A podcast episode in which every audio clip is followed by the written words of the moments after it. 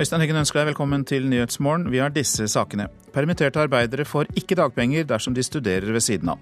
Rammer tusenvis som tar etterutdanning. Åtte av ti syns det er ubehagelig at personopplysninger samles inn på nett, men vi bruker nettsidene likevel. Stavanger Aftenblad setter av hele 64 sider til en historie fra barnevernet. Den tror de vil vekke oppsikt. Herfra kan alt skje, sier gutta på håndballandslaget etter seieren over Frankrike. Permitterte arbeidere får altså ikke dagpenger dersom de studerer ved siden av. Tusenvis eh, tar etterutdanning på fagskoler ved siden av jobben, bl.a. i oljesektoren. Kenneth Carlsen utdannet seg innen maskinteknikk ved siden av full jobb, men da han ble permittert, mistet han retten til dagpenger. Her pleide jeg å sitte. Kenneth Karlsen er tilbake ved sin gamle pult på Bergen tekniske fagskole. Industrimekanikeren fra Etne ville utvikle seg, og begynte i høst å studere her. For å være litt mer sikker i arbeidssituasjonen, da, så så jeg for meg også å øke kompetansen min. Ved siden av jobben ved Sunnhordland Mekaniske Verksted pendlet han hit til Bergen. Men så ble han permittert fra jobben sin. Da jeg ble permittert, så var jo det selvfølgelig en uheldig situasjon å komme opp i, da, men jeg tenkte jo som så at siden jeg var nettstudent da, på Bergen tekniske fagskole, så håpte jeg kanskje på at jeg fikk mer tid til å gjøre skolearbeid. da. Men den gang ei. Det funka ikke sånt i Nav-systemet, dessverre. For 27-åringen fra Skånevik fikk avslag på dagpenger fra Nav fordi han var student ved siden av. Dermed måtte han avslutte utdannelsen ved fagskolen. Og det er mange andre fagskolestudenter som nå er i samme situasjon. De aller fleste av de er jo en, en voksne, har familier, så de, de, har ikke noe valg. De må slutte hvis de ikke får penger fra Nav. Det sier rektor ved Bergen tekniske fagskole, Torbjørn Tvedt. Over 15 000 studerer ved norske fagskoler. Det er voksne studenter som øker kompetansen sin innen f.eks. oljerelaterte fag, industrifag eller bygg og anlegg. Bare ved Bergen tekniske fagskole vet de om minst 20 permitterte som har sluttet på studiene siden i høst. Tvedt mener Nav burde klare å finne en ordning for denne gruppen, slik at de kunne ha fortsatt med studiene og samtidig mottatt dagpenger. Det er nedgangstider. Vi bør ruste oss på å gi alle voksne ungdommer mer utdanning. sånn at det når eh, oppgangstidene kommer, så er alle sammen mye bedre rustet for å eh, bringe Norge enda videre. Det er klart at dette er en problemstilling. Det sier assisterende fylkesdirektør i Nav Hordaland, Tommy Johansen. Permitterte har altså ikke rett på dagpenger dersom de samtidig studerer på dagtid. Regelverket er klart, og det er ikke mulig for Nav å gjøre unntak, sier Johansen. Da kommer du inn på det spørsmålet hvor skal da grensen gå. Altså, vi kan jo i ytterste konsekvens få personer som er studenter og melder seg ledig og har gjerne rett på dagpenger, og så vil de fortsette å studere og motta dagpenger. Så det er klart at her er det noen uheldige konsekvenser som kan komme av det at man eventuelt justerer seg inn på en ordning der man skal på en måte imøtekomme disse eh, spesielle forholdene. Kenneth Karlsen fra Etne skulle gjerne fortsatt studiene ved fagskolen. Men med kone og to små barn hjemme er han avhengig av dagpenger for å få det til å gå rundt. Karlsen er også kommunestyrepolitiker fra Fremskrittspartiet i hjemkommunen, og mener regelverket bør endres. Selv venter han nå på beskjed om mer jobb hos Sunnhordland Mekaniske. Han håper å kunne ta opp igjen studiene på fagskolen ved et senere tidspunkt. Det er bittert, egentlig. Hadde jo kunnet tenkt meg å ha sittet her og blitt ferdig med studiene, men nå sitter jeg hjemme og tvinner tommeltotter. Sa Kenneth Karlsen til vår reporter Siri Løken. Åtte av ti nordmenn syns det er ubehagelig at personopplysningene våre samles inn på nett og brukes i, til reklame. Det viser en ny rapport fra Teknologirådet og Datatilsynet. Likevel bruker vi nesten alle daglige nettsider som vi har gjort før. Man får jo på en måte en profil, og den må man tenke seg om når man eh, leverer eh, ting på, på nettet. For det blir ikke borte. Man eh, mister litt personvern. Jeg syns man skal være flink på å skille mellom hva som er privat informasjon og det som skal være tilgjengelig for offentligheten. Det er flere som er bekymret over sporene vi etterlater oss på nett. Ifølge en ny undersøkelse fra Teknologirådet og Datatilsynet syns åtte av ti nordmenn at det er ubehagelig at Facebook, Google, nettaviser og andre sider vi bruker daglig, samler inn personopplysningene våre, og at de brukes bl.a. til å skreddersy reklame. Men det stopper oss ikke fra å bruke disse nettsidene. Det er enkelt og det er gratis, og jeg tror ikke folk vet i hvor stor grad det her foregår. Det sier Tore Tennø, direktør i Teknologirådet. En måte vi blir overvåket på nett, er gjennom informasjonskapsler. Du kjenner dem kanskje bedre som cookies på nettsider. Dette er små, usynlige dataprogram som følger med på hvilke nettsider vi er på, hvor lenge vi er der, og hva vi ser på på den nettsida. Og Det kan følge oss lenge etter vi har vært på et bestemt sted. Selv om det er vanskelig å leve sporløst på nett, finnes det program som kan blokkere cookies og avsløre hvilke programmer som følger med på oss. Nye personvernregler trer i kraft i Norge om to år, sier direktør i Datatilsynet Bjørn Erik Thon. Der er det regler som gjør at folk på en visse vilkår bl.a. kan motsette seg og si nei til å bli profilert. Eh, det er også en forpliktelse på selskapene om å være mer åpne med ja, hva de gjør med dataene, hva de lagrer, hva de har tenkt å bruke det til i fremtiden osv. Men ikke alle er like bekymret. Jeg vet det er kontroversielt og alt mulig sånn, men jeg eh, bryr meg ikke så mye personlig. Men jeg forstår at mange har bekymring rundt det. Så det er ikke noe du, eh, du mister nattesøvnen over? Nei, overhodet ikke. Reporter her, det var Milana Knisjevic.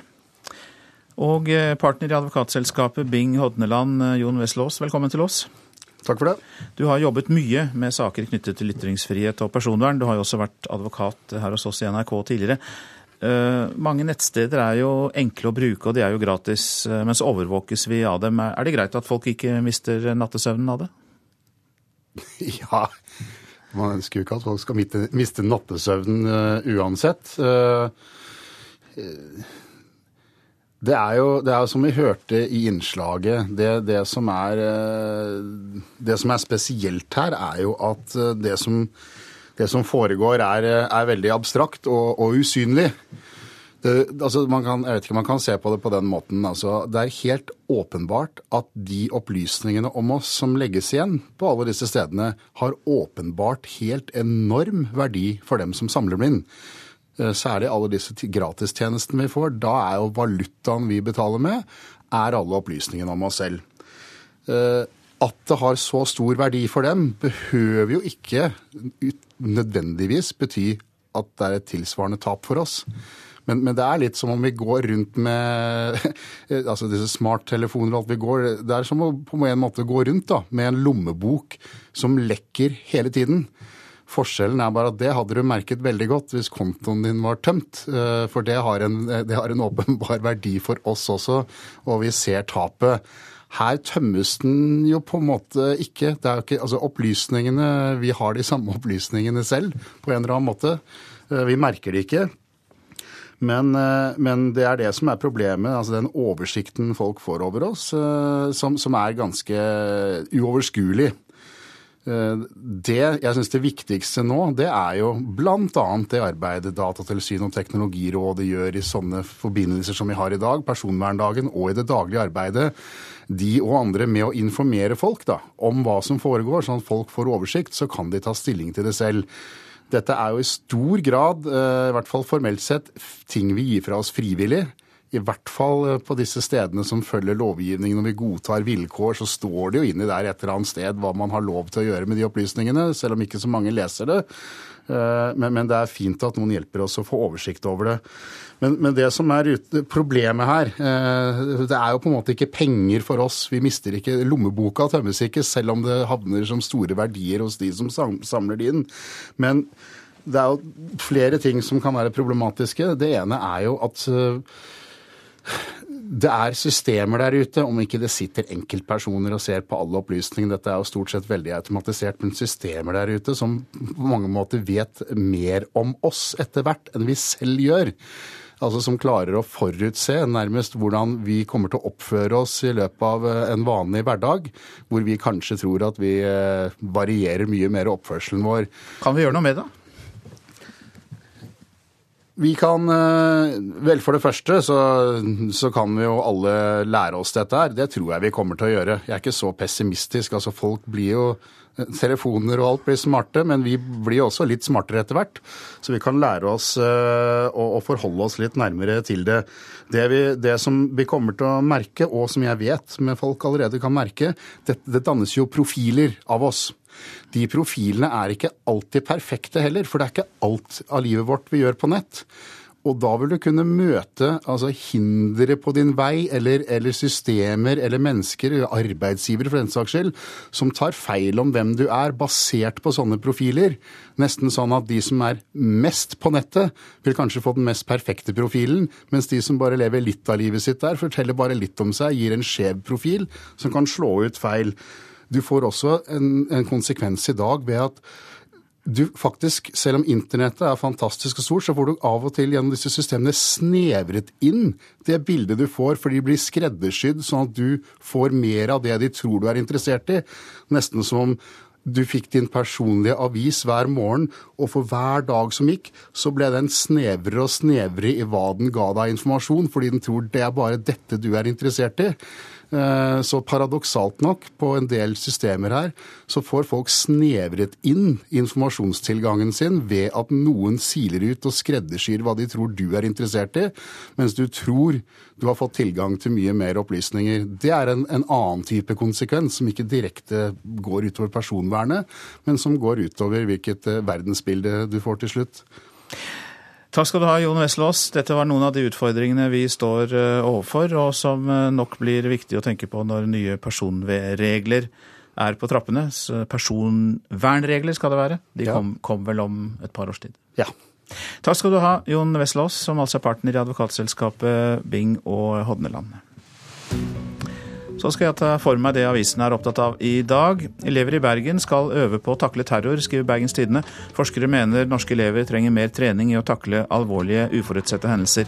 I Bergen er skoleskyting og terror blant hendelsene som er tatt med i den nye beredskapsplanen. 75 000 av oss får unødvendig antibiotika mot luftveissykdommer hvert år, kan vi lese i Adresseavisen. Bruken av antibiotika mot ufarlige sykdommer er alarmerende høy, sier overlege Roar Dyrkorn ved St. Olavs hospital. Nå skal fastleger kurses i hvordan de kan endre praksis. I Klassekampen får vi vite at deler av dansk venstreside støtter den omstridte loven som fratar flyktninger deres verdisaker. Sosialdemokraten Mathias Tesfaye sier at asylsøkere må betale for seg etter samme prinsipp som dansker som søker sosialhjelp. Land over hele Europa strammer inn asyl- og innvandringspolitikken, skriver Dagsavisen. Grensekontrollen øker, og ikke bare Danmark, men også land som Sveits, Nederland og to av de tyske delstatene beslaglegger flyktningers verdisaker og kontanter over et bestemt beløp. EU har gitt seg selv åtte uker på å redde et grensefritt Europa, er oppslaget i Aftenposten. Det er frykt for kollaps i Schengen-samarbeidet, og det ser ut til at ingen tiltak for å få kontroll over flyktningstrømmen fungerer. Et eh, sjiamuslimsk trossamfunn i Oslo brukte islamske lover for vigsel og skilsmisse, skriver Vårt Land. De eh, lovet å slutte etter at fylkesmannen nektet å godkjenne praksisen, men skal nå ha brutt dette løftet. Det bør eh, nemlig være mulig å bruke både islamsk og norsk lov, sier styreleder Medi Tadayon ved Imam Ali-senteret. Den nye Nordea-sjefen varsler kamp om lånekundene i Dagens Næringsliv. Snorre Storseth tror lave renter vil gi høy etterspørsel etter boliglån og ny kamp om kundene. Strengere krav for å bli bonde er oppslaget i Nasjonen. Flertallet i et offentlig utvalg ønsker å innføre kompetansekrav, og får støtte fra Bondelaget, men departementet går mot forslaget. Etter seieren mot Frankrike går vi for gull, skriver VG. Jeg jubla hemningsløst, sier fotballegenden Drillo om håndballguttas seier. Ja, vi elsker disse gutta, er Dagbladets oppslag. Og håndballtriumfen er selvfølgelig også tema for sporten. De norske håndballgutta er optimistiske foran semifinalen mot Tyskland. Norge tok jo en historisk seier mot Frankrike i håndball-EM i går kveld, og møter altså Tyskland i semifinalen. Og herfra kan alt skje, det mener en av Norges beste spillere i mesterskapet, Sander Sagosen. Ja, nå er vi der, så nå, nå kan alt skje. Så Vi har visst at vi kan slå alle nå, så det her er bare helt rått. Der er Norge i en historisk EM-semifinale! medisinske apparater, for det er sjokktilstander i Krakow! Det er jo det vi har gått og venta på. Vi har gått og venta på det gjennombruddet. Og, og, og, få lov til, vi også som håndballspillere, å føle på det og, og, spille og være blant de beste. Og det, det føles enormt godt. Det sa en rørt Bjarte Myrhol. I semifinalen møter Norge Tyskland, som overraskende slo Danmark i går. Det er Sander Sagosen svært fornøyd med. Fint for oss, det. det vi har slitt med danskene, og nå tror jeg kanskje vi møtte tyskerne, så nei, det er, Jeg kan gå hele veien. Og stortalentet får støtte av NRKs håndballekspert Håvard Tveten. Det er jo absolutt det beste vi kunne fått. Altså går ikke an å få en bedre motstander for Norge. De har akkurat fått skada både venstre- og høyrebekken sin i kampen før i dag. Det Skal sies at de faktisk slår Danmark uten de to spillerne. Men altså vi vil jo være Tyskland ti av ti ganger foran f.eks. For Danmark eller eventuelt Spania. Og skal det gå hele veien til en finale, må man glemme seieren mot Frankrike og gi full gass i semifinalen, mener Erlend Mamelund. Så vi, eh, vi, må opp på full gass igjen for å ha noen sjanse på de. Eh, jeg tror at eh, vi skal nullstille nå, og så skal vi smelle på igjen og ta, ta en ny kamp. Reporter Ørjan Bjørnstad. Klokka er 6.49 snart. Dette er hovedsaker. Storbritannia gir hjelpepakke på drøyt 3 milliarder kroner til britisk oljenæring. Permitterte arbeidere får ikke dagpenger dersom de studerer ved siden av. Rammer tusenvis som tar etterutdanning. Sverige kan komme til å utvise 80 000 av dem som har søkt asyl i det siste. Det sier innenriksminister Anders Ygemann. Flere kan slippe bot, selv om de eh, er blitt knepet i fotoboks på Sørlandet. Politiets senter for automatisk trafikkontroll, ATK-senteret, har nemlig ikke stor nok kapasitet til å kreve inn pengene. Agder politidistrikt har bedt om å få behandlet 10 000 fartsbøter i år, f.eks. Vi har bedt om 10 000, ja, og 9000 saker. Det er det som ATK-senteret eh, har sagt at de kan saksbehandle for Agder politidistrikt. Det er Statens vegvesen som drifter de 22 automatiske trafikkontrollene på Sørlandet, og det er de som sender bilder til politiets ATK-senter i Møre og Romsdal politidistrikt. Her blir sakene behandla, og forelegg blir sendt til den enkelte bileier. At eh, ATK-senteret kan behandle 1000 saker færre enn det Agder politidistrikt ønsker, er helt greit, mener Aas, for også de har en viss kapasitet. Og jo flere saker som blir behandla, jo flere får distriktene tilbake. Så Saker som det blir opprettet anmeldelse for, herunder eh, kjøring uten gyldig førerkort, og saker som ikke kan saksbehandles med forenkla forelegg. Så det blir jo en god del som blir sånn sett utsendt, sendt ut til politidistriktene i tillegg. Og Så skal jo disse her videre til jurist, og eventuelt en del saker som skal gå for retten i tillegg. Det er ikke bare Agder politidistrikt som ber om å få saker behandla hos ATK-senteret. For 2016 har de fått inn forespørsler for langt flere saker enn det de 25 ansatte har kapasitet til, sier leder Kjell Arne Hestad. Vår kapasitet er ca.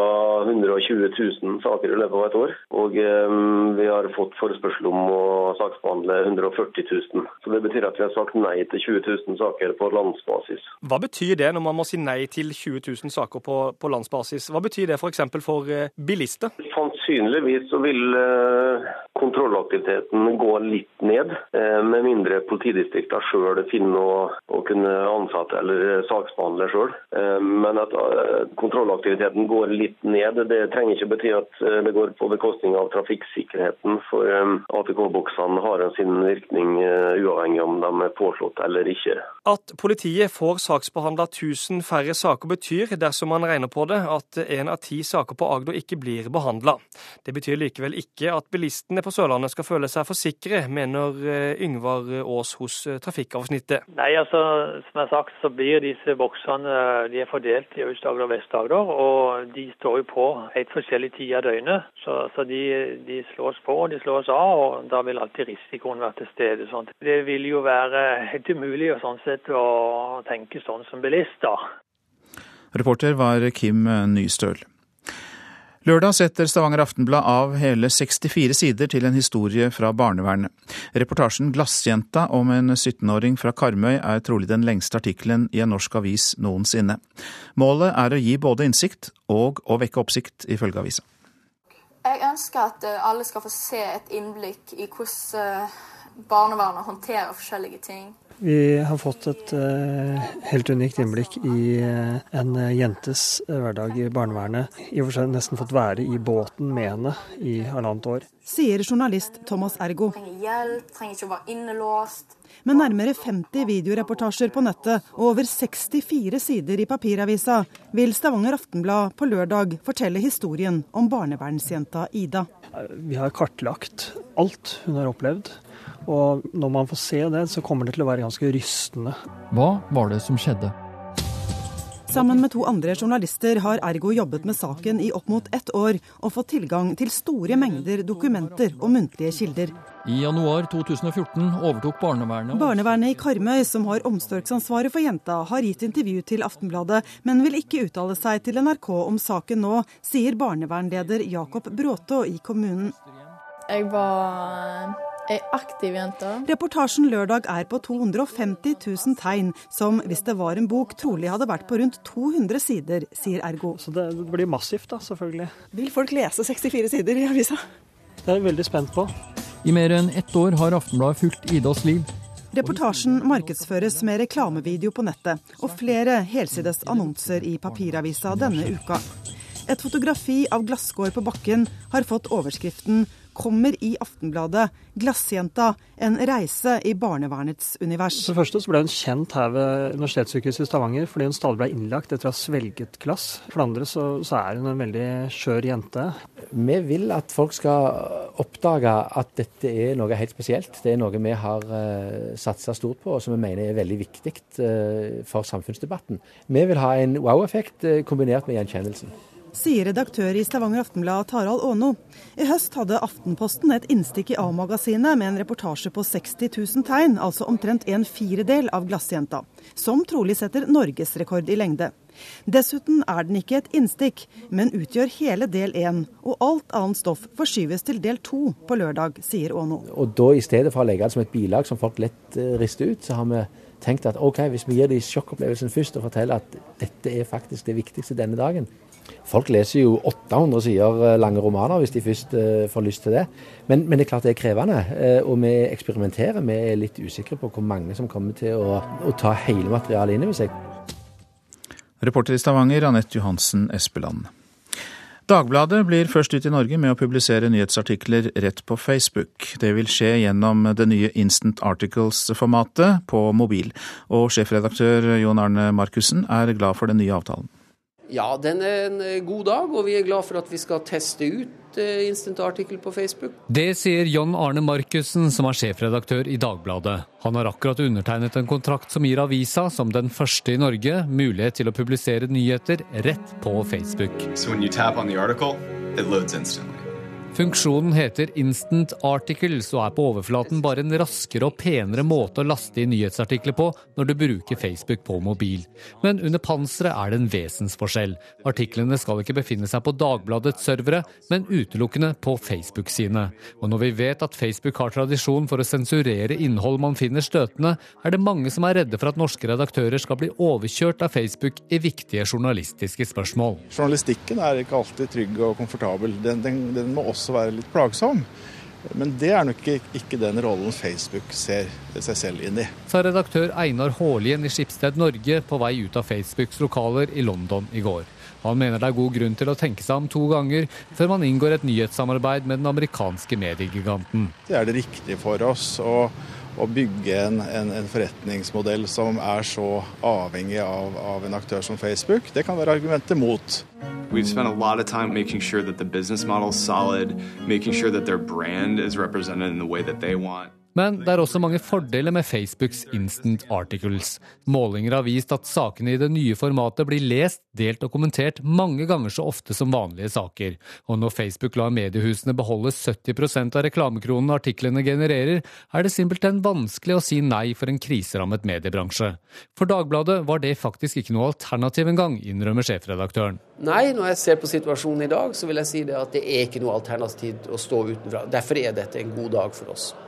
Digitalredaktør i VG, Ola Stenberg, sier til NRK at eh, Facebook ikke svarer godt nok på hva de vil gjøre med sensur.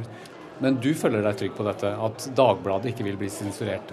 Jeg vil ikke si at jeg føler meg helt trygg, så jeg tror Stenberg eh, har sine ord i behold. Eh, det er klart Hvis det viser seg at det er ting vi vil publisere i Dagbladet, som vi også vil ha inn i nyhetstjenesten på Facebook, som ikke passer Facebook, ja vel, da har vi et problem. Sjefredaktør Jon Arne Markussen i Dagbladet til reporter Petter Sommer. Så til værvarselet. Fjell i Sør-Norge. Vestlig kuling utsatte steder. Lokalt sterk kuling i høyfjellet, og det blir snøbyger, mest av det i vestlige områder. I øst kan det bli perioder med sol. Så tar vi Østlandet og Telemark. På kysten periodevis sørvest liten kuling. I morgentimene blir det litt sludd eller snø i Hedmark, men ellers oppholdsvær og etter hvert lange perioder med sol i dette området. Agder vestlig liten kuling utsatte steder. Stiv kuling på kysten vest for Oksøy. Fra i ettermiddag minkende vind. Men på kysten sørvest periodevis liten kuling. Vest i Agder enkelte snø- og sluddbyger. Regnbyger nær kysten. I øst opphold og perioder med sol.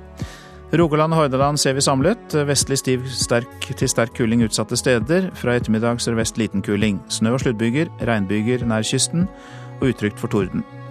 Sogn og Fjordane vest og sørvest stiv kuling utsatte steder. Sterk kuling ved Stad. Snø- og sluddbyger, regnbyger nær kysten. Også torden først på dagen kan det bli der. Møre og Romsdal sørvest liten kuling, øking til sterk kuling på kysten. Snø- og sluddbyger, regnbyger nær kysten og torden først på dagen også i Møre og Romsdal. Trøndelag sørvest liten kuling, i ettermiddag øking til stiv kuling og kan hende sterk kuling på kysten. Snø- og sluddbyger, regnbyger ved kysten. Nordland sørlig periodevis liten kuling, i ettermiddag dreiende sørvest og stedvis stiv kuling. Enkelte snø- og sluddbyger, regn nær kysten. Troms også enkelte sludd- og snøbyger i dag, fra ettermiddag liten kuling på kysten. Kyst- og fjordstrøkene i Finnmark vestlig periodevis stiv kuling. Først på dagen kan hende kortvarig sterk kuling. Enkelte snøbyger. Finnmarksvidda periodevis liten sørvest kuling og oppholdsvær. Nordensjøland på Spitsbergen, der blir det opphold. Temperaturer klokka fire. Svalbard minus seks, Kirkenes minus fire, Vardø null, Alta minus én, Tromsø null. Bodø og Brønnøysund 2, Trondheim minus 1, Molde pluss 1, Bergen pluss 2, Stavanger og Kristiansand 4, Gardermoen og Lillehammer 1, Røros minus 4, Oslo pluss to.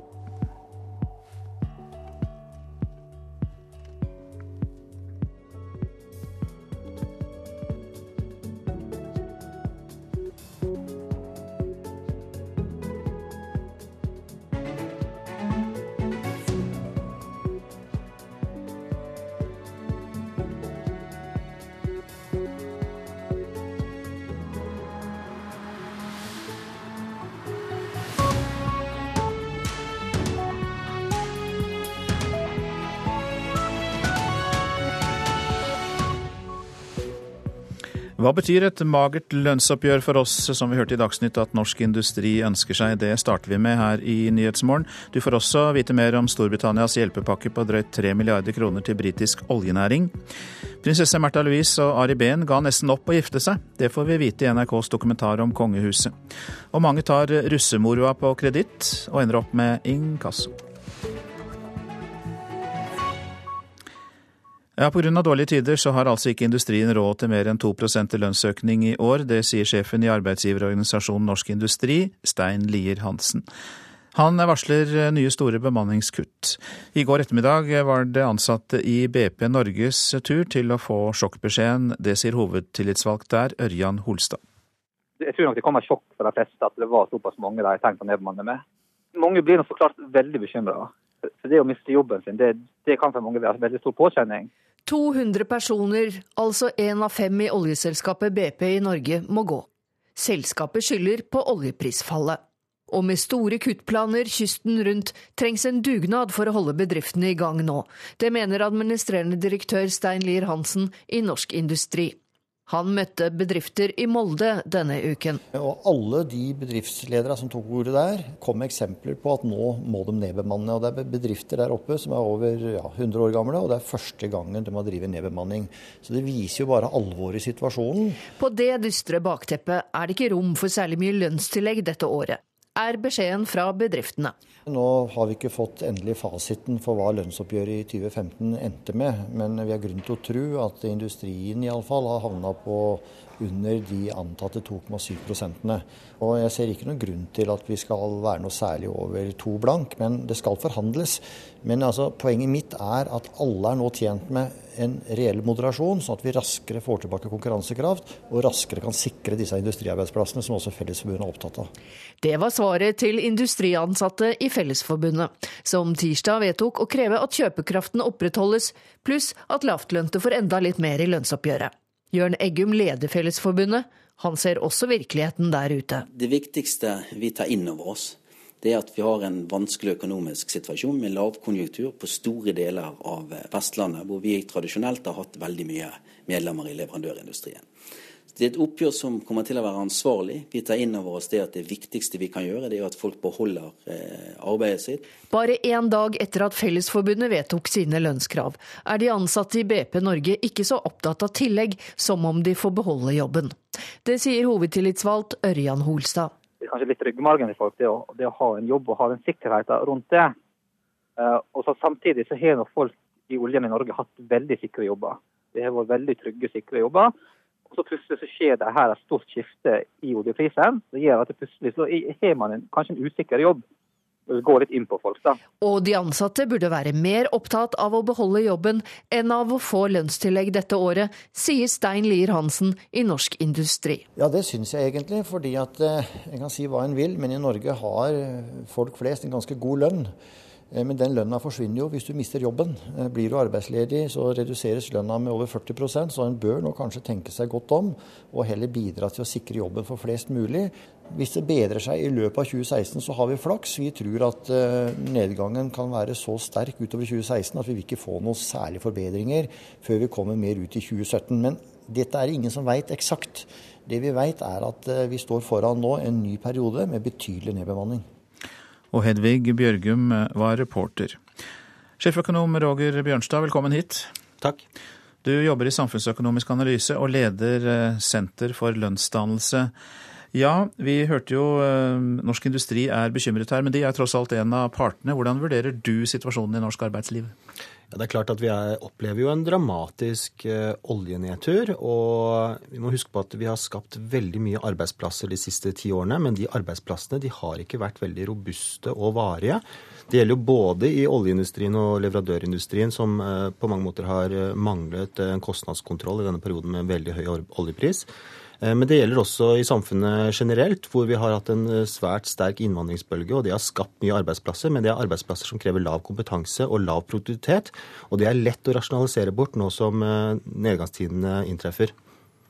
Storbritannia har jo besluttet å gi en hjelpepakke på drøyt 3 milliarder kroner til britisk oljenæring. og Denne nyheten blir bekreftet av minister for Skottland David Mundell, som vi skal høre her. Den fallende oljeprisen har gått hardt utover britisk olje- og gassnæring i Nordsjøen, som i hovedsak styres fra Aberdeen i Skottland. Dit skal statsminister David Cameron i dag, og med seg har han en hjelpepakke på 250 millioner pund, drøyt 3 milliarder norske kroner. Pengene skal ifølge Herald Scotland brukes til å bevare jobber i olje- og gassindustrien, som er blitt nødt til å si opp tusenvis av ansatte etter hvert som oljeprisene har rast nedover. I Norge har andre ingeniørfagforeningen NITO tatt til orde for en krisepakke for olje- og gassindustrien, men forslaget ble avvist av regjeringen. I ettertid har imidlertid regjeringen innført en tiltakspakke på fire milliarder kroner for å håndtere økt arbeidsledighet. Harald Berre orienterte. Ja, Roger Bjørnstad i Samfunnsøkonomisk analyse. Er en slik hjelpepakke også en løsning for Norge? Altså, det er ingen som er tjent med store, brå endringer i noen industri, men eh, Norge har vel fokusert mer på at vi skal omstille oss vekk fra oljeindustrien, på sikt i hvert fall. Og at uh, hjelpepakkene kanskje ikke skal innrettes mot selve industrien. Eh, og det er jo bare nødvendig i den grad at vi ikke mister kompetansearbeidsplasser eh, der for de fremtidige utbyggingene. Eh, men blir dette dramatisk, så er jo det også noe den norske regjeringen bør vurdere.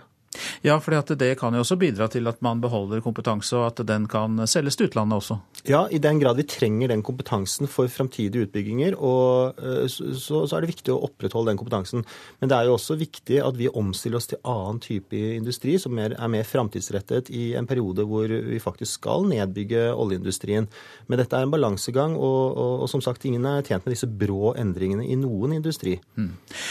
Olje- og oljerelaterte bedrifter er rammet, det vet vi jo alle nå. Men, men, slipper andre bransjer lettere unna, eller bølger det inn over andre bransjer også, denne nedgangen? Ja, Hittil så har jo dette vært isolert både geografisk og industrielt. Eh, men eh, det er jo faren at dette smitter. Og eh, som jeg sa tidligere, så er arbeidsplassene vi har skapt litt skjøre. Det skal ikke så mye til. Og vi er nødt til å skape mye arbeidsplasser framover også, fordi innvandringen til Norge fortsetter. Ikke minst også flyktningbølgen gjør behov for at vi trenger flere arbeidsplasser.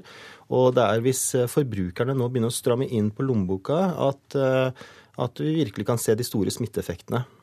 Ja, fordi eh, lavere vekst i lønninger betyr at vi kniper igjen. Og det er jo sånn sett ikke noen fordel for å få vekst. Nei, det er jo et paradoks at den norske måten å løse nedgangstider på er jo også å bevilge oss mindre lønnsvekst. Og det gir ikke økt sysselsetting i seg selv. Det styrker konkurranseevnen. Men det som er det unike her, er at lavere lønnsvekst gjør det mulig for myndighetene å stimulere til sysselsetting uten at det får negative konsekvenser for konkurranseevnen. Og det er det som ligger i det norske trepartssamarbeidet samarbeidet. Partene i arbeidslivet sikrer konkurranseevnen, og myndighetene sikrer sysselsettingsveksten. Kort til slutt, Bjørnstad. Hva er det myndighetene da gjør på sin side for å sikre sysselsettingsveksten? Ja, Det handler jo først og fremst om eh, renta og kronekursen i disse dager. Og den er jo spesielt gunstig nettopp fordi at den eh, treffer eksportbedriftene positivt. Men så er det jo finanspolitikken, altså statsbudsjettet, som må brukes aktivt eh, der det er nødvendig. Og det gjør vi jo. Spørsmålet er om det er nok i, i de tidene vi er i nå. Mange takk skal du ha, Roger Bjørnstad, som altså er leder av Senter for lønnsdannelse ved Samfunnsøkonomisk analyse.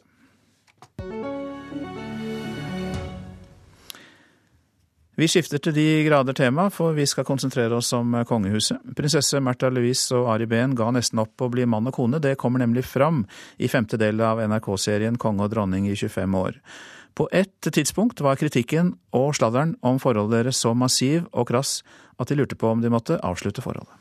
Det som vi opplevde en periode, var jo at eh, kan kanskje ikke være sammen. Vi må vente. Vi må, vi må gjøre det samme som foreldrene til Märtha gjorde. Det var jo veldig alvorlig plutselig. Rebellen på Søren og forfatteren Ari Behn sitt inntog i kongefamilien ble ikke godt mottatt av alle. Han dukka opp midt i stormen kring kronprinsesse Mette-Marit, og monarkiet sin popularitet var dalende. For rykter om festkultur, dop og dårlige venner var allerede tema kongehuset måtte svare for. De to nyforelska måtte kjempe hardt for kjærleiken, forteller de i NRK-serien Konge og dronning i 25 år. Men vi, vi var veldig sånn eh, innstilt på at nei, nå, nå må det ta ti år. Veldig sånn. Men det men det ble jo ikke sånn, da. Heldigvis. Ved en trua kongelig kutyme, mente mange, og i debattens hete blir han kalla svigersønn fra helvete. For det ble jo en ekstra belastning med vårt forhold i forhold til kronprinsparet. De var sammen og alt det som var der. Da var det bedre at vi ventet. Det, det er en del overtramp som ble begått, som det, det ser i mm. ettertid. Så, mm. så bare ok, dette er sånn det er, og det er en del av det. Og vi har det utrolig fint sammen, og så bare går det seg til. Men kongehuset hadde lært etter kritikken mot kronprinsens kjæreste og de massive medieoppslagene. Kongeparet var nemlig godt informert om hvem denne forfatteren var. Jeg introduserte vel Ari eh, veldig sånn på privaten. Jeg inviterte dem på middag en kveld med Ari. Det, der hvor jeg kanskje forventet at de ville være veldig både sinte og nesten ha ikke panikk, men i hvert fall være ganske opprørte, så var de helt rolige. Fordi de så de lange linjene. For Ben var det viktig å møte kongeparet før forholdet ble offentlig. Kronprinsesse Mette-Marit hadde gjort det samme året før. Kronprinsen og hun reiste til Skaugum for å fortelle om hennes fortid, for å unngå overraskelser. Og det at de har en såpass åpen holdning til mennesker eh, i vanskelige livssituasjoner, det tror jeg kommer nok en del derfra. At de har opplevd eh, selv veldig på kroppen hvordan det er å være utenfor. I serien NRK har laga om kongehuset, kommer det tydelig fram hvor stort presset mot kongefamilien var. At de klarte å heve blikket og bli kjent med, med, Mette på den måten de gjorde. Og eh, se henne som det mennesket hun var. da. Um, og så ta det andre etterpå. Ja, Det var jo veldig viktig for oss. Kong Harald sier han ikke var særlig uroa over det massive negative fokuset på hvala barna hans hadde tatt. Så jeg var aldri egentlig veldig engstelig for at ikke dette skulle gå, gå bra. For Ben er det spesielt ei som har vært viktig for at han etter 15 år er en naturlig del av kongefamilien. Uten svigermor så hadde det vært vanskelig innimellom. veldig. Vi har så mye felles. Men hun også setter deg litt på plass innimellom? Da. Det er akkurat det. Det gjør hun også. Sier veldig tydelig fra. Så, så vi har en veldig fin uh, dialog. Ja, da fikk vi vite det. Reportere her Eli Eikenes Wengen og Kristi Marie Skrede. Klokka har passert 7.15. Dette er hovedsaker. Det bør ikke være mer enn 2% lønnsøkning i år, sier lederen av arbeidsgiverorganisasjonen Norsk Industri, Stein Lier Hansen. Storbritannia gir en hjelpepakke på drøyt 3 milliarder kroner til britisk oljenæring. Sverige kan komme til å utvise opptil 80 000 av dem som har søkt asyl det siste året. Det sier innenriksminister Anders Ygemann. Det er ikke mulig å få testet seg for Zika-viruset her i landet. Viruset har jo blusset opp i Sør- og Mellom-Amerika, og sykdommen kan skade fostre. Gravide anbefales å utsette reiser til flere land i verdensdelen. Men Folkehelseinstituttet her hjemme jobber med diagnostikk for viruset, og de håper å kunne tilby to tester om ikke så lenge. Det sier overlege Dagny Dorenberg. ene testen går på å direkte påvise viruset i blod ved akutt sykdom eller antistoffpåvisning. Men de kan være vanskelig eh, å tolke pga. at det er så mye kryssreaksjoner mellom forskjellige virus, bl.a. Eh, dengue-viruset, som også er eh, endemisk i dette området. Zika-viruset, som overføres via mygg, sprer seg nå i Sør- og Mellom-Amerika.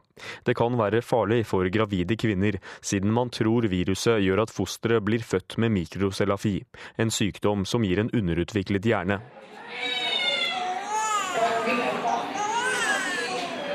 Venteværelse på et sykehus i Sao Paulo, Brasil. Mødre med nyfødte barn som skal sjekkes for sykdommen. Landet har iverksatt flere tiltak for å få bukt med viruset, som myndighetene kaller Brasils fiende nummer én om dagen. Dette er jo områder hvor mange nordmenn reiser, da. så man må jo forvente at det kan bli en økende pågang av eh, potensielle pasienter. Da sier Torgunn Være, overlege på infeksjonsmedisinsk avdeling på Ullevål sykehus. I 2013 hadde hun en pasient som fikk påvist Zika-viruset. Som i dag måtte hun den gang også få testen gjennomført i Sverige. Vi kan ikke sende prøver fra uh, mistenkt smittede pasienter til noen laboratorium her i Norge. Hvis vi mistenker Zika-virus hos pasienter som vi får kontakt med, så må vi sende prøver til uh, folkehelsemyndighetene i Sverige. Være ser fram til at man snart får et testtilbud også her hjemme. Ja, jeg syns jo behovet er der. Vi er veldig glad for å ha den type diagnostikk tilgjengelig, så sant den ikke er veldig veldig ressurskrevende. Og det er det vel egentlig ikke når den først er oppe og går, da. Det finnes ingen kur eller vaksine mot Zika-viruset. Folkehelseinstituttet anbefaler derfor gravide om å utsette reiser til flere land i Sør- og Mellom-Amerika. Men dersom man har vært der og mistenker å ha fått viruset, er rådet fra Dorenberg følgende. Man bør kontakte sin lege eh, helsestasjon eller gynekolog eh, for eh, oppfølging og råd. Og dersom eh, det er indikasjon for å gjøre nærmere utredning eh, med en eh, blodprøve, så vil dette per i dag sendes fortsatt til Sverige til vi har fått våre tester etablert på Folkehelseinstituttet. Og reporter her, det var Vegard Valestrand. De har vært utsatt flere ganger, men nå ser det ut til at det blir fredsforhandlinger om Syria i morgen for første gang på to år. De starter i Genéve etter lang strid om hvem som skal være representert. Korrespondent Kristin Solberg i Istanbul, hva blir de viktigste utfordringene? Ja, akkurat nå så er det å få partene til å faktisk komme til eh, Genéve. For den saudiskstøttede syriske opposisjonen de sier de ikke vil delta med mindre bombingen av sivile stanser. Ehm, de krever også å å være de eneste som forhandler for opposisjonen. Ehm, og I tillegg så har det vært eh, en stor splid om hvem som faktisk skal inviteres. For Tyrkia har sagt at de ikke vil delta hvis syriske, kurdiske grupper deltar. og Nå later det til at de ikke er blitt eh, invitert. og De er jo en formidabel aktør på bakken bakken, slik at det er et dårlig tegn hvis de er eh, ekskludert. For poenget med fredssamtaler er jo nettopp å snakke med dine fiender, og ikke, ikke dem man er enige med. Men her er det altså veldig steile fronter, og kløften mellom partene er veldig stor. Og så er det det vi har hørt mye om i det siste, nemlig Bashar al-Assads styrkede stilling. Kan den syriske presidentens eh, styrkede stilling virke inn på forhandlingene? Ja, absolutt. Han har styrket seg det siste året. Vi har jo sett Han har fått hjelp hovedsakelig av Russland og også Iran. Eh, Russland som i fjor høst involverte seg med bombefly på Assads side side, slik at militært så, så står han ganske sterkt. Eh, samtidig så ser vi også at IS er blitt en større trussel, eh, slik at Vestens førsteprioritet i Syria eh, nok ikke lenger er å fjerne Assad, men å bekjempe IS. Og det gjør at Assad sitter tryggere enn han har gjort siden opprøret mot ham eh, startet. Men opposisjonens hovedkrav har jo alltid vært at han fjernes, og de vil nok ikke gå med på noe mindre. Men altså med hans styrkede rolle så virker det mindre realistisk nå. Kommer disse forhandlingene så smått i gang, hva tror du da blir de aller største snublesteinene? Ja, Assads rolle er jo en av de eh, aller største eh, snublesteinene her, eh, om han blir eller om han må, må gå. Dessuten så er det jo da representasjon. Altså Opposisjonen i Syria har alltid vært fragmentert. Og nå er det jo slik at noen deltar, andre deltar ikke. Slik at hvis man mot formodning skulle klare å få til noe gjennom denne prosessen, så er det ikke sikkert at det følges opp på bakken, rett og slett fordi ikke alle alle er, eh, er, inkludert. Dessuten, som jeg var inne på tidligere, så er kløften svært, svært dyp mellom partene. Og det gjelder ikke bare innad i Syria, men også i stor grad i de regionale aktørene som er involvert her. For vi har jo sett da at forholdet mellom Saudi-Arabia, som støtter opposisjonen, og Iran, som støtter Iran, nei, Iran som støtter Assad, beklager, eh, har blitt forverret de siste månedene, slik at klima for forhandlingene ikke er det beste. Ja, Du nevnte Iran, og helt på tampen kan det være interessant å høre om det at Iran er kommet inn i varmen internasjonalt etter atomavtalen, også da kan virke inn på disse samtalene? Absolutt. Og det styrker igjen eh, Assads stilling i disse forhandlingene.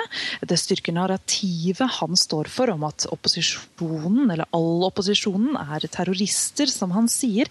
Og det gjør også at han har eh, mer midler til å fortsette regjeringens eh, militæroffensiv lenger. Men samtidig, det at Iran faktisk er invitert, er et positivt tegn. For i runde, eh, runden om Genéve-forhandlingene for to år siden, så ble Iran faktisk ikke invitert, eh, selv om de da er en formidabel aktør i Syria. Og Denne gangen så er de det, og det er et positivt tegn. Mange takk for eh, den oppdateringen fra deg i Istanbul, korrespondent Kristin Solberg. Så til norske aviser. Elever i Bergen skal øve på å takle terror, skriver Bergens Tidende. Forskere mener norske elever trenger mer trening i å takle alvorlige, uforutsette hendelser. I Bergen er skoleskyting og terror blant hendelser som er tatt med i den nye beredskapsplanen. 75 000 av oss får unødvendig antibiotika mot luftveissykdommer hvert år, kan vi lese i Adresseavisen. Bruken av antibiotika mot ufarlige sykdommer er alarmerende høy, sier overlege Roar Dyrkorn ved St. Olavs hospital. Nå skal fastleger kurses i hvordan de kan endre praksis. I Klassekampen får vi vite at deler av den danske venstresiden støtter den omstridte loven som fratar flyktninger deres verdisaker. Sosialdemokraten Mathias Cesfaye sier at asylsøkere må betale for seg etter samme prinsipp som dansker som søker sosialhjelp. Land over hele Europa strammer inn asyl- og innvandringspolitikken, skriver Dagsavisen. Grensekontrollen øker, og ikke bare Danmark, men også land som Sveits, Nederland og to av de tyske delstatene beslaglegger flyktningers verdisaker og kontanter over et bestemt beløp. EU har gitt seg selv åtte uker på å redde et grensefritt Europa, er oppslaget i Aftenposten. Det er frykt for kollaps i Schengen-samarbeidet, og det ser ut til at ingen tiltak for å få kontroll over flyktningstrømmen fungerer. Et sjiamuslimsk trossamfunn i Oslo brukte islamske lover ved vigsel og skilsmisse, skriver Vårt Land. De lovet å slutte etter at fylkesmannen nektet å godkjenne praksisen, men nå skal de ha brutt dette løftet. For det bør være mulig å bruke både islamsk og norsk lov, det sier styreleder Medi Tadayon ved Imam Ali-senteret. Den nye Nordea-sjefen varsler kamp om lånekundene i Dagens Næringsliv. Snorre Storseth tror lave renter vil gi høy etterspørsel etter boliglån og ny kamp om kundene.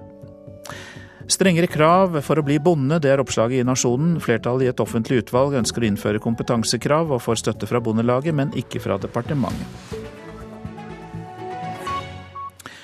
Mange tar russetida på kreditt og ender opp med inkassosaker og betalingsanmerkninger. I Hole og Ringerike fikk namsmannen inn nærmere 3000 inkassosaker i fjor, og flere av dem var en følge av russefeiringen. Det kan være lett å bruke for mye penger når en først er i gang, sier russ i Hønefoss. Så langt har jeg brukt rundt 20 000. Det er egenandel til russebil og klær og sånne vanlige ting som man trenger før russetiden begynner. Vi bestilte vel nettopp en pakke til 4000 med litt forskjellig. Hva er det i den, da? Eh, nei, det er eh, ytterjakker, eh, hettegensere, hodebånd, T-skjorte. Rundt et kafébord i Hønefoss sitter seks eksemplarer av årets russ. Og de forteller at det er nok å bruke penger på nå når russetida nærmer seg. De fleste tror de vil bruke mellom 30 og 40 000 kroner i løpet av de nærmeste månedene. Maria Håvin er visepresident i russestyret ved Hønefoss videregående skole, og sier at det fort blir dyrt. Søsteren til venninnen min sa at vi burde spare 50 000, og jeg selv syns jo det hørtes veldig mye ut. Eh, jeg har jo ikke tenkt Jeg tror mange egentlig ikke tenker så mye at det er så dyrt som det faktisk er. Så man går på ganske smell og kanskje ikke har spart nok penger. På høsten eller etter sommeren i fjor da, da så vi jo det at vi fikk flere krav fra disse selskapene som selger russeutstyr da, at det var mange i 18-19-årsalderen da, 20-årsalderen da, som var skyldig masse penger fordi de ikke hadde betalt for russutstyret. Det sier namsmann i Ringerike og Hole, Rune Sigbjørnsen. I fjor opplevde de en 20% økning i antall inkassosaker. Og spesielt la de merke til at flere russ var representert i saksmengden. Flere av fjorårets russ betalte aldri for deler av moroa. Det gjaldt spesielt kjøp av russeklær og russeeffekter. Nei, det var jo eh, Snittet lå på ca. 5 000-80 000 kroner som de da hadde handla. Og merkelig nok så får de da lov til å hente ut varene uten å betale på fakturaer og postoppkrav før de får varene. Og det kan jo være ganske fristende når man er russ? Det er veldig fristende, tror jeg. fordi at eh, når alle andre kjøper, så blir jo gjerne det at du skal jo ha en sånn stor pakke. og og når du da har blitt 18 år, så er du da ansvarlig for gjelda di sjøl, og da trenger liksom ikke foreldrene dine få greie på om du, hvor mye penger du bruker på dette her. Men du, Hva ser dere at de har kjøpt da for disse pengene? Nei, Vi ser jo ikke så mye mer enn det. da. Vi ser jo at det er russeeffekter, men ikke hva, hva, det er for noe, da. Det gjør vi ikke. Jeg tror det kommer mye av press. Eh, det er sikkert eh, om å gjøre å ha finest bil, best anlegg. Mange syns kanskje det er kult da, å, å, bruke mest penger og skryte av det etterpå, men det er jo de som står igjen med problemet. Og så er det i russetiden, så tenker man jo at det skjer én gang i livet. og Hvorfor ikke bruke litt ekstra og betale senere? Det er jo sikkert veldig lett å gjøre det når du først er i situasjonen. Leverandørene av russeutstyr forteller at de er pålagt av Forbrukerombudet å tilby russen å betale på kreditt. Hos en av de største aktørene på markedet, Russeservice, forteller de at om lag en tredjedel av kundene benytter seg av den muligheten, og at det i hovedsak går fint. Leverandøren russedress.no sier at om lag 40% av kundene deres betaler på kreditt. Og de fleste sakene som havner til inkasso, stort sett løser seg før de havner hos namsmannen. Rune Sigbjørnsen er likevel bekymret for at stadig flere unge pådrar seg betalingsanmerkninger i russetida utrolig leit at de allerede så tidlig i livet sitt har betalingsproblemer. Ja, for Hvilke konsekvenser vil det få seinere? Konsekvensene har du fått betalingsanmerkning, så eh, vil du si alt fra når du er 18-19-20 år og ikke får mulighet til å kjøpe deg en ny mobiltelefon, til du senere i livet da vil etablere deg med familie og ikke får lån til huslån da, fordi at du har betalingsanmerkninger. Og det var namsmann Ringerike og Hole, Rune Sigbjørnsen, og det var Anette Skafjell som var reporter. Du lytter til Nyhetsmorgen nå. Produsent i dag Kari Bekken Larsen, og her i studio Øystein Heggen. Og I reportasjen etter Dagsnytt så kan du høre om et land som nærmest uavbrutt er i politisk krise, nemlig Moldova, det lille landet øst for Romania. Og I Politisk kvarter skal vi høre hva politikerne på Stortinget sysler med i det stille. Det er nemlig framtidas skattesystem.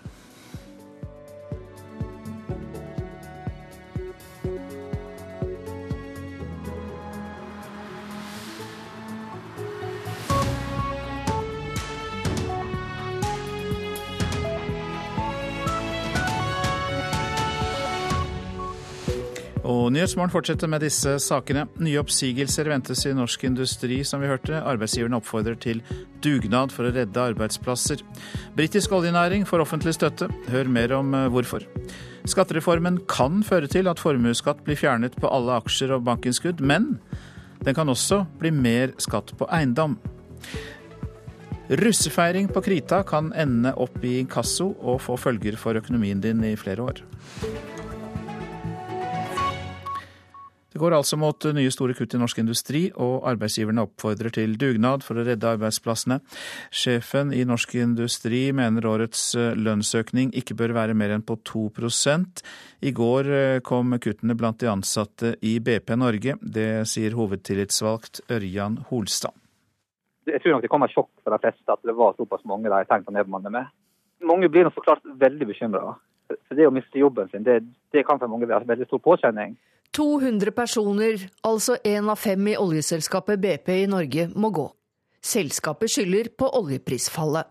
Og med store kuttplaner kysten rundt trengs en dugnad for å holde bedriftene i gang nå. Det mener administrerende direktør Stein Lier Hansen i Norsk Industri. Han møtte bedrifter i Molde denne uken. Og alle de bedriftsledere som tok ordet der, kom med eksempler på at nå må de nedbemanne. Og det er bedrifter der oppe som er over ja, 100 år gamle, og det er første gangen de har drevet nedbemanning. Så det viser jo bare alvoret i situasjonen. På det dystre bakteppet er det ikke rom for særlig mye lønnstillegg dette året er beskjeden fra bedriftene. Men altså, poenget mitt er at alle er nå tjent med en reell moderasjon, sånn at vi raskere får tilbake konkurransekraft og raskere kan sikre disse industriarbeidsplassene, som også Fellesforbundet er opptatt av. Det var svaret til industriansatte i Fellesforbundet, som tirsdag vedtok å kreve at kjøpekraften opprettholdes, pluss at lavtlønte får enda litt mer i lønnsoppgjøret. Jørn Eggum leder Fellesforbundet. Han ser også virkeligheten der ute. Det viktigste vi tar inn over oss, det er at vi har en vanskelig økonomisk situasjon med lavkonjunktur på store deler av Vestlandet, hvor vi tradisjonelt har hatt veldig mye medlemmer i leverandørindustrien. Reporter var Hedvig Bjørgum.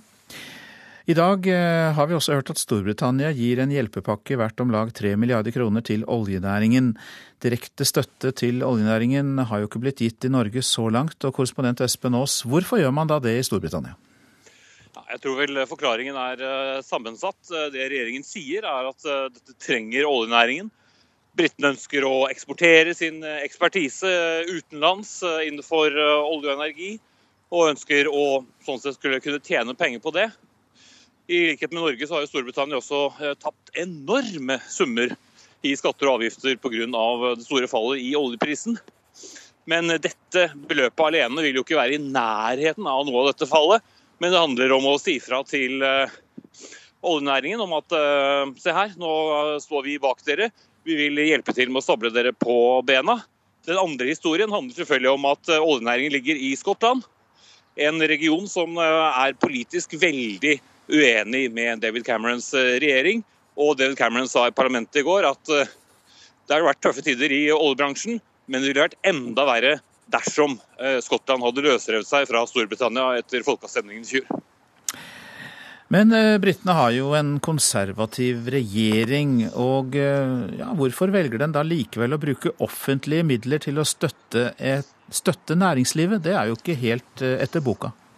Nei, Dette er veldig eh, uvanlig, og det har vært mange eh, saker nå i det siste hvor eh, tusenvis av tusenvis av arbeidsplasser har forsvunnet. Den siste kullminen eller kullgruven her i Storbritannia ble stengt for en tid tilbake. Satte mange folk på døra. Det er verft som har bukket under uten at regjeringen har ønsket å gi noe penger. Forskjellen kan du kanskje argumentere med er at oljenæringen er en næring som vil vare mye lenger. Mange av de andre industriene som har bukket under, har ikke hatt det samme fremtidsaspektet. Men som jeg sier, det er også helt klart en politisk eh, motivasjon her for 3 milliarder, eh, sett opp mot eh, de enorme verdifallene som er innenfor olje og gass om dagen, er jo ikke det store beløpet. Nei. I Norge så snakkes det mye om at vi må omstille, vi må finne flere ben å stå på enn olje- og gassnæringen. Pågår det også en slik debatt i Storbritannia? Nå er jo ikke Storbritannia like avhengig av olje og gass alene som det eh, Norge er.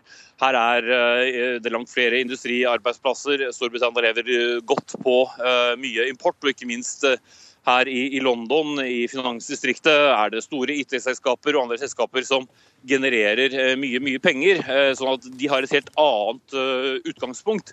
Men det er klart at det merkes når oljeprisen faller så mye som den har gjort på relativt kort tid. Det merkes på, på bunnlinja eh, både i Skottland og, og selvsagt eh, i Storbritannia for øvrig. Mange takk for at du var eh, med oss, korrespondent i London, Espen Aas.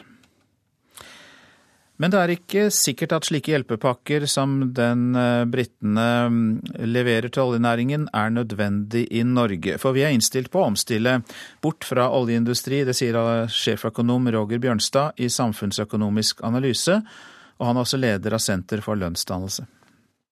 Altså, det er ingen som er tjent med store, brå endringer i noen industri, men eh, Norge har vel fokusert mer på at vi skal omstille oss vekk fra oljeindustrien, på sikt i hvert fall. Og at uh, hjelpepakkene kanskje ikke skal innrettes mot selve industrien. Eh, og det er jo bare nødvendig i den grad at vi ikke mister kompetansearbeidsplasser eh, der for de fremtidige utbyggingene. Eh, men blir dette dramatisk, så er jo det også noe den norske regjeringen bør vurdere. Ja, for det kan jo også bidra til at man beholder kompetanse, og at den kan selges til utlandet også? Ja, i den grad vi trenger den kompetansen for framtidige utbygginger, og eh, så, så, er det viktig å opprettholde den kompetansen. Men det er jo også viktig at vi omstiller oss til annen type industri, som er, er mer framtidsrettet i en periode hvor vi faktisk skal nedbygge oljeindustrien. Men dette er en balansegang, og, og, og som sagt, ingen er tjent med disse brå endringene i noen industri. Roger Bjørnstad i Samfunnsøkonomisk analyse. Skattereformen er under arbeid i Stortinget, og det kan føre til at formuesskatten fjernes på alle aksjer og bankinnskudd, etter et innspill fra næringslivet, som samtidig sier at eh, da må skatten på eiendom og bolig opp. Og det er kanskje et langt vanskeligere spørsmål. Men i Politisk kvarter i dag så sa KrFs Hans Olav Syversen at det er på tide å vurdere den gunstige skattleggingen av eiendom i Norge. Vi må i hvert fall spørre oss sjøl skal det være slik at eh, det lønner seg å investere i eiendom. Og da snakker ikke jeg om den boligen du bor i. Det er viktig for meg å understreke. Det er en god side ved det norske skattesystemet etter min mening. At det å bo i sin egen bolig det beskattes eh, lavere enn mye annet. Det skal bevares har... like gunstig som i dag? Ja, i hvert fall eh, for det aller meste, etter min mening. da. Men så er spørsmålet når man da velger å bruke pengene sine på å investere i bolig nummer to, tre, og kanskje hytte to og tre, da mener jeg vi må spørre oss sjøl er det fornuftig at det blir så gunstig, hvis man i stedet kunne investert i norsk næringsliv, gründervirksomhet, det som skaper arbeidsplasser. Så får vi se om det er noen muligheter for kompromiss her, men eh, det får berolige de som sitter i boligen sin, at den boligen du bor i, tror jeg ikke blir noe utsatt skatteobjekt eh, framover heller i særlig grad. Hans Andreas Limi, finanspolitisk talsmann for Frp. Hvordan ser du på denne modellen som går ut på å frita bankinnskudd, eh, aksjer og næringseierdeler fra formuesskatt? Jeg tror vi kan følge opp der Syversen eh, sluttet, at eh, boligeierne kan beroliges. Eh, Fremskrittspartiet ønsker i hvert fall ikke å skjerpe boligbeskatningen, og jeg tror ikke det er mange partier som ønsker det i realiteten. Det som er interessant med denne modellen som er lansert fra Alliansen for privat eierskap, er jo at den kommer opp, de kommer opp med et forslag som, til en avgrensning av arbeidende kapital. Eh, som gjør det mulig å gjennomføre et skille. Det betyr at eh, næringsinvesteringer og eh, kapital som er bundet opp i, i næring samt finansaktiva, kan unntas for formuesskatt. Eh, og så bygger den samtidig på noen forutsetninger om at man da må øke formuesskatten på det som blir igjen, altså på eh, private hender. Og, mm. og, eh, altså eiendom, bil, ja, båt? Ja, eiendom. De foreslår også en økning av verdifastsettelsen på bolig. Ja. er, er der, du klar for det? Nei, jeg er ikke det. Og det er der um, vi må se på konsekvensene av denne modellen. Trygve Slagsvold Vedum, leder i Senterpartiet og også medlem i finanskomiteen. Deler du denne samme skepsisen til fordelingsverknadene? Altså, det er veldig lett å være eh, for å ha mindre skatt på arbeidende kapital. Det mener jo Senterpartiet. Men den forslaget her har et stort, stort paradoks. Fordi forslaget fra Skattealliansen eh, det vil gi Ola og Kari som eier boligen sin, mer skatt. Mens Kristians Ringnes og Olav Thon, som eier tusenhusboliger, vil få mindre skatt. Så hvis du da leier boligen av Kristian Ringnes, så vil det ikke være formuesskatt på den boligen. Men hvis du eier den sjøl, så vil det være formuesskatt på den boligen. Og en sånn modell den kommer ikke til å stå seg over tid. Og Det var et redigert utdrag av Politisk kvarter, der Håvard Grønli var programleder. Norgesmesterskapet på ski starter i Tromsø i dag, om en halvtimes tid faktisk. Eh, vi kan jo godt si at, er, at, et NM betyr at verdens beste skiløpere skal konkurrere med resten av de svært gode skiløperne her i landet. Ikke sant, reporter Nils Meren? Jo, det stemmer, og her ligger forholdene vel til rette for at det skal skje. Løypene for 10 eh, km for jenter er altså som trikkeskinner gjennom landskapet her på Kvaløya, hvor altså Kvaløysletta skilag skal arrangere det hele. Det er fantastisk utsikt til fjellene omkring, mot Balsfjord, mot Tromsdalstinden og fjellene her på, på, på Kvaløya. Det er blå himmel ispett sånne her, um, skyer. Så dette her kommer til å bli fantastiske TV-bilder som skal altså formidles eh, da det hele starter. Det er åpningsseremoni klokka 9.20. Og første renn, 10 km for eh, jenter, går altså eh, ja, 10-15, og så er det 15 km for, for gutta. Klassisk. Men før det så skal altså de funksjonshemmede gjøre sine norgesmesterskap unna, og det er vel så viktig, arenasjef Steinar Grønling? Ja, det er viktig at, at de funksjonshemmede også får et tilbud til å gå norgesmesterskap. Så, så det er en del av programmet her. Vi står på arenaen her ved målområdet. Det blir en eh, spektakulær avslutning inn eh, ja, ganske krapp ja, motbakke opp mot mål. De skal få slite seg? Ja, det er en litt tøff avslutning. Det er ikke mange arenaer som har denne type avslutning. Ofte er det jo veldig flatt inn, men her har vi en motbakke da, helt fra vi kommer over den kulverten der til vi er oppe. Så det er 100 meter med, med stigning på slutten.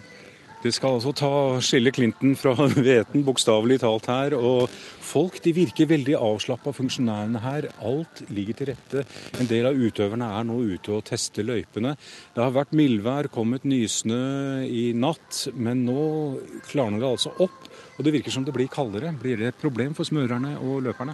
Nei, det tror jeg absolutt ikke. Jeg tror det blir veldig fine forhold. Vi har gode løyper, og den snøen her Det har vært litt fukt i, i, i, forbindelse med i natta med nedbøren som kom, men eh, den tror jeg trekker opp, ut noe av sporene når, eh, når det blir kaldere nå. Så det blir kjempeforhold, tror jeg. Likt for alle? Ja da, absolutt. Helt likt for alle. Er det noen utfordringer som står igjen nå? Jeg ser at i kongebua her så er det lagt til rette for at eh, kongen skal komme. Det legges på duk. og han får fin utsikt, han òg? Ja da, kongen får det fint, han. han. Eh, men han kommer ikke for lørdag, så han skal være til stede på, på skiatlon på, eh, på, lørdag og stafetten på søndag. Så vi holder på å ordne sånn. Han får det fint her. Også publikum får det fantastisk her. De har en fin haug. De kan stå og se på løperne. Skolene har gitt fri litt sånn alternerende fra torsdag og, og, og fredag, det er det jeg forstår. Og på to sider av uh, løypene her så får altså publikum se når de fyker forbi i, i løpet. Har du noen personlige favoritter? Nei, Det kan man selvfølgelig ha. I dag så er det vel han eh, Jonsrud Sundby, tror jeg. Som, ja, men jeg håper selvfølgelig på han Finn Hågen Krogh gjør det godt, for han er jo tross alt fra landsdelen. Så verdensmesterskapet, hadde jeg nær sagt, eh, norgesmesterskapet, kall det hva du vil, det er iallfall NM på ski her på Kvalersletta skilag fra og med i dag og fram til søndag. Takk skal du ha, Nils Meren, som altså rapporterte fra det smellvakre Tromsø-landskapet som eh, NM skal pågå i. Klokka nærmer seg 8.47. Dette er hovedsaker. Skattereformen kan føre til at formuesskatt blir fjernet på alle aksjer og bankinnskudd, men det kan også bli mer skatt på eiendom. Arbeidsgiverorganisasjonen Norsk Industri mener lønnsoppgjøret må bli magert, med maksimalt 2% lønnsøkning for å redde arbeidsplasser. Russemoroa tas på kreditt. Det kan få følger for økonomien din i mange år. Mer om det litt seinere. I dag starter eh, rettssaken mot den tidligere presidenten i Elfenbenskysten, Laurent Bago, i Den internasjonale straffedomstolen i Haag. Gubago er tiltalt for en rekke forbrytelser i forbindelse med borgerkrigen som ble utløst i 2010, da han tapte valget, og risikerer livstid om han blir eh, dømt. Saken blir eh, sett på som svært viktig for domstolen i Haag, og det er første gang en så høytstående politiker blir framstilt der.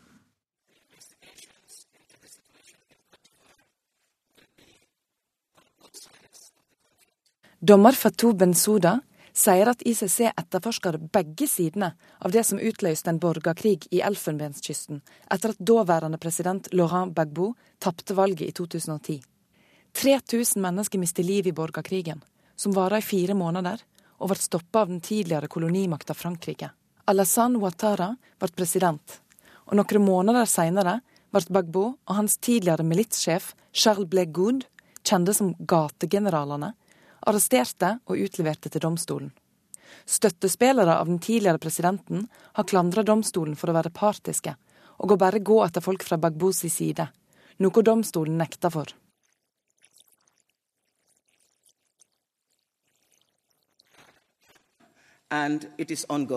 Bagbo sjøl hevder han er uskyldig, og forsvareren hans sier at han ser rettssaka som et høve til forsoning mellom ivorianerne.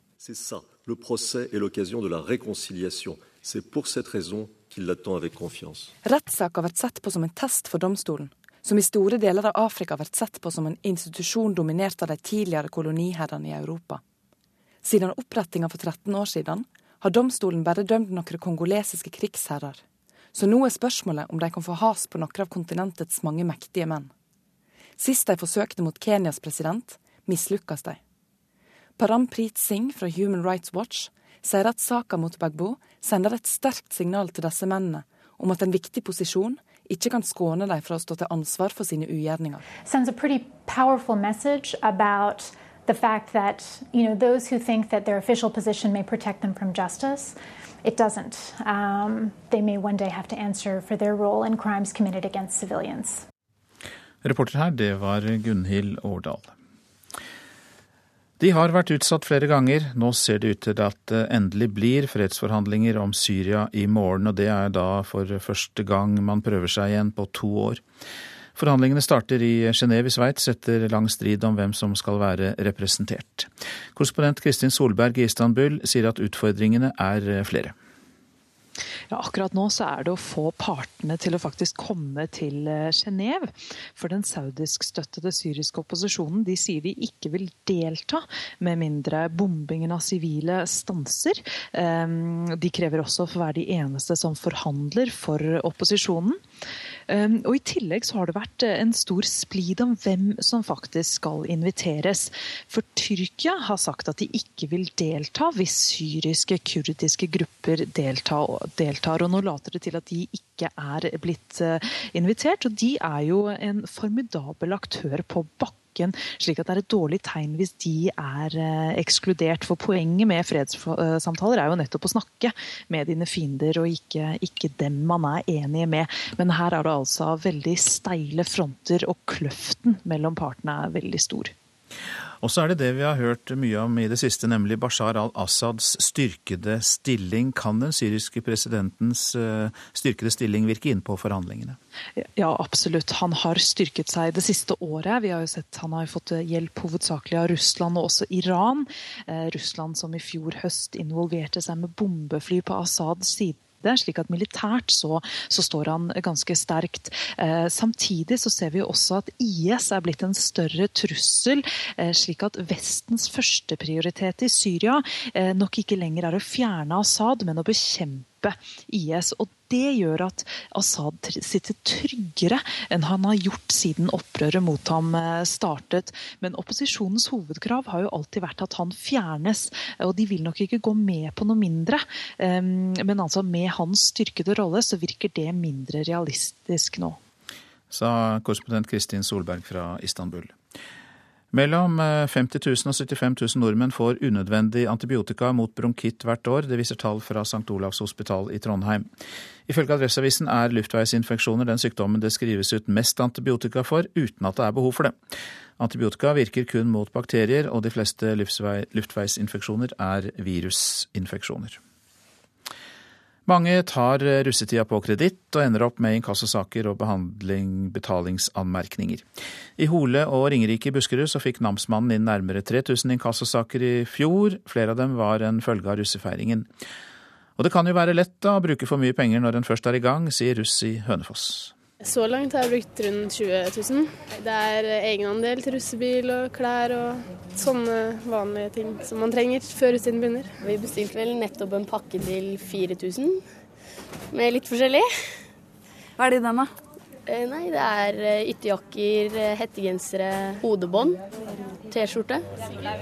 Rundt et kafébord i Hønefoss sitter seks eksemplarer av årets russ.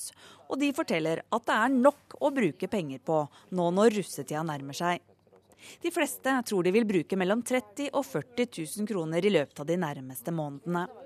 Maria Håvin er visepresident i russestyret ved Hønefoss videregående skole, og sier at det fort blir dyrt. Søsteren til venninnen min sa at vi burde spare 50 000, og jeg selv syns jo det hørtes veldig mye ut.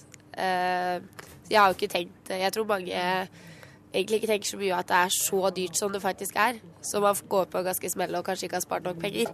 På høsten eller etter sommeren i fjor da, da så vi jo det at vi fikk flere krav fra disse selskapene som selger russeutstyr da, at det var mange i 18-19-årsalderen da, 20-årsalderen da, som var skyldig masse penger fordi de ikke hadde betalt for russeutstyret. Det sier namsmann i Ringerike og Hole, Rune Sigbjørnsen. I fjor opplevde de en 20% økning i antall inkassosaker. Og spesielt la de merke til at flere russ var representert i saksmengden. Flere av fjorårets russ betalte aldri for deler av moroa. Det gjaldt spesielt kjøp av russeklær og russeeffekter. Nei, det var jo eh, Snittet lå på ca. 5 000-8000 kroner som de da hadde handla. Og merkelig nok så får de da lov til å hente ut varene uten å betale på fakturaer og postoppkrav før de får varene. Og det kan jo være ganske fristende når man er russ? Det er veldig fristende, tror jeg. fordi at eh, når alle andre kjøper, så blir jo gjerne det at du skal jo ha en sånn stor pakke. Og, og når du da har blitt 18 år, så er du da ansvarlig for gjelda di sjøl. Og da trenger liksom ikke foreldrene dine få greie på om du hvor mye penger du bruker på dette her. Men du, Hva ser dere at de har kjøpt da for disse pengene? Nei, Vi ser jo ikke så mye mer enn det. da. Vi ser jo at det er russeeffekter, men ikke hva, hva, det er for noe, da. Det gjør vi ikke. Jeg tror det kommer mye av press. Eh, det er sikkert eh, om å gjøre å ha finest bil, best anlegg. Mange syns kanskje det er kult da, å, å, bruke mest penger og skryte av det etterpå, men det er jo de som står igjen med problemet. Og så er det i rusttiden, så tenker man jo at det skjer én gang i livet. og Hvorfor ikke bruke litt ekstra og betale senere? Det er jo sikkert veldig lett å gjøre det når du først er i situasjonen. Leverandørene av russeutstyr forteller at de er pålagt av Forbrukerombudet å tilby russen å betale på kreditt. Hos en av de største aktørene på markedet, Russeservice, forteller de at om lag en tredjedel av kundene benytter seg av den muligheten, og at det i hovedsak går fint. Leverandøren russedress.no sier at om lag 40% av kundene deres betaler på kreditt, og de fleste sakene som havner til inkasso, stort sett løser seg før de havner hos namsmannen. Rune Sigbjørnsen er likevel bekymret for at stadig flere unge pådrar seg betalingsanmerkninger i russetida. Utrolig leit at de allerede så tidlig i livet sitt har betalingsproblemer. Ja, for Hvilke konsekvenser vil det få seinere? konsekvensene har du fått betalingsanmerkning, så eh, vil jo si alt fra når du er 18-19-20 år og ikke får mulighet til å kjøpe deg en ny mobiltelefon, til du senere i livet da vil etablere deg med familie og ikke får lån til huslån da, fordi at du har betalingsanmerkninger. Og Det sa Rune Sigbjørnsen, som er namsmann i Ringerike og Hole, og reporter var Anette Skafjell. Ja, statsmeteorolog Kristen Gislefoss, du, du, har med deg både vind og byger for mange av oss i dag, har du ikke det? Ja, da, i dag er det vind og byger som dominerer det meste av landet. og det, Da snakker vi om eh, kulingsstyrke, og retning er sånn stort sett sørvestlig til sørlig. Og så er det bygene som har en form av både regn, sludd og snø mange steder. Men litt sol er det òg, og det er særlig det østerfjelske. Litt av hvert? Litt av hvert, ja. Men vi bør jo, før du tar dagens vær, si noen ord om morgendagen. fordi det er jo varslet veldig mye nedbør og mye vind? Ja, det, i går så ble det sendt ut et faseavvarsel om økt overvåkning på det neste lavtrykk som kommer inn imot eh, den midtre delen av landet vårt eh, i løpet av morgendagen. Eh, om det skal oppgraderes til et ekstremvarsel, det vil bli avgjort nå i morgentimene pga. nye beregninger. Og Det gjenger først og fremst på sterk vind og mye nedbør, særlig i Nordland. Da får vi ta dagens vær, som er eh, ikke fullt så kraftig. Nei, det er ikke fullt så kraftig, men eh, litt vind er der. Spitsbergen her er opp til stiv kuling fra østlig retning, ellers er det stort sett oppåsvær. Så minker vinden litt i ettermiddag. Og I Nord-Norge så er det stort sett sånn sør- og vestlig vind som gjelder. Mange steder oppe i kulingsstyrke langs kysten. Også her går det noen byger. Det er en blanding av sludd- og snøbyger, regnbyger på kysten av Nordland. Og i Finnmark så er det helst kysten av Vest-Finnmark som er utsatt for snøbygene. Ellers er det mye oppholdsvær i Finnmark, og temperaturene holdes omtrent uendra. Og I Sør-Norge så er det jo vinden som er mest merkbar, sånn sør-sørvestlig stiv, kanskje opp i sterk kuling av og til. Også her en del byger. Regnbyger i kystområdene, slutt av snøbyger på indre og høyereliggende områder. og Stedvis er det mulighet for torden på Vestlandet nå i formiddag. Det østafisket her klarner etter hvert opp og det blir en del sol utover dagen, men enkelte byger vest på Sørlandet i løpet av dagen kan nok forekomme. Og i snøbyger i fjellheimen med sterk vind i foss og vestlig retning. Takk skal du ha, Kristen Gislefoss. Da slår vi fast at det var Anne Skårseth som var ansvarlig for radionyhetene på morgenkvisten. Produsent for Nyhetsmorgen, Kari Bekken Larsen. Teknisk ansvarlig for dette programmet, Espen Hansen. Og her bak mikrofonen i studio, Øystein Heggen.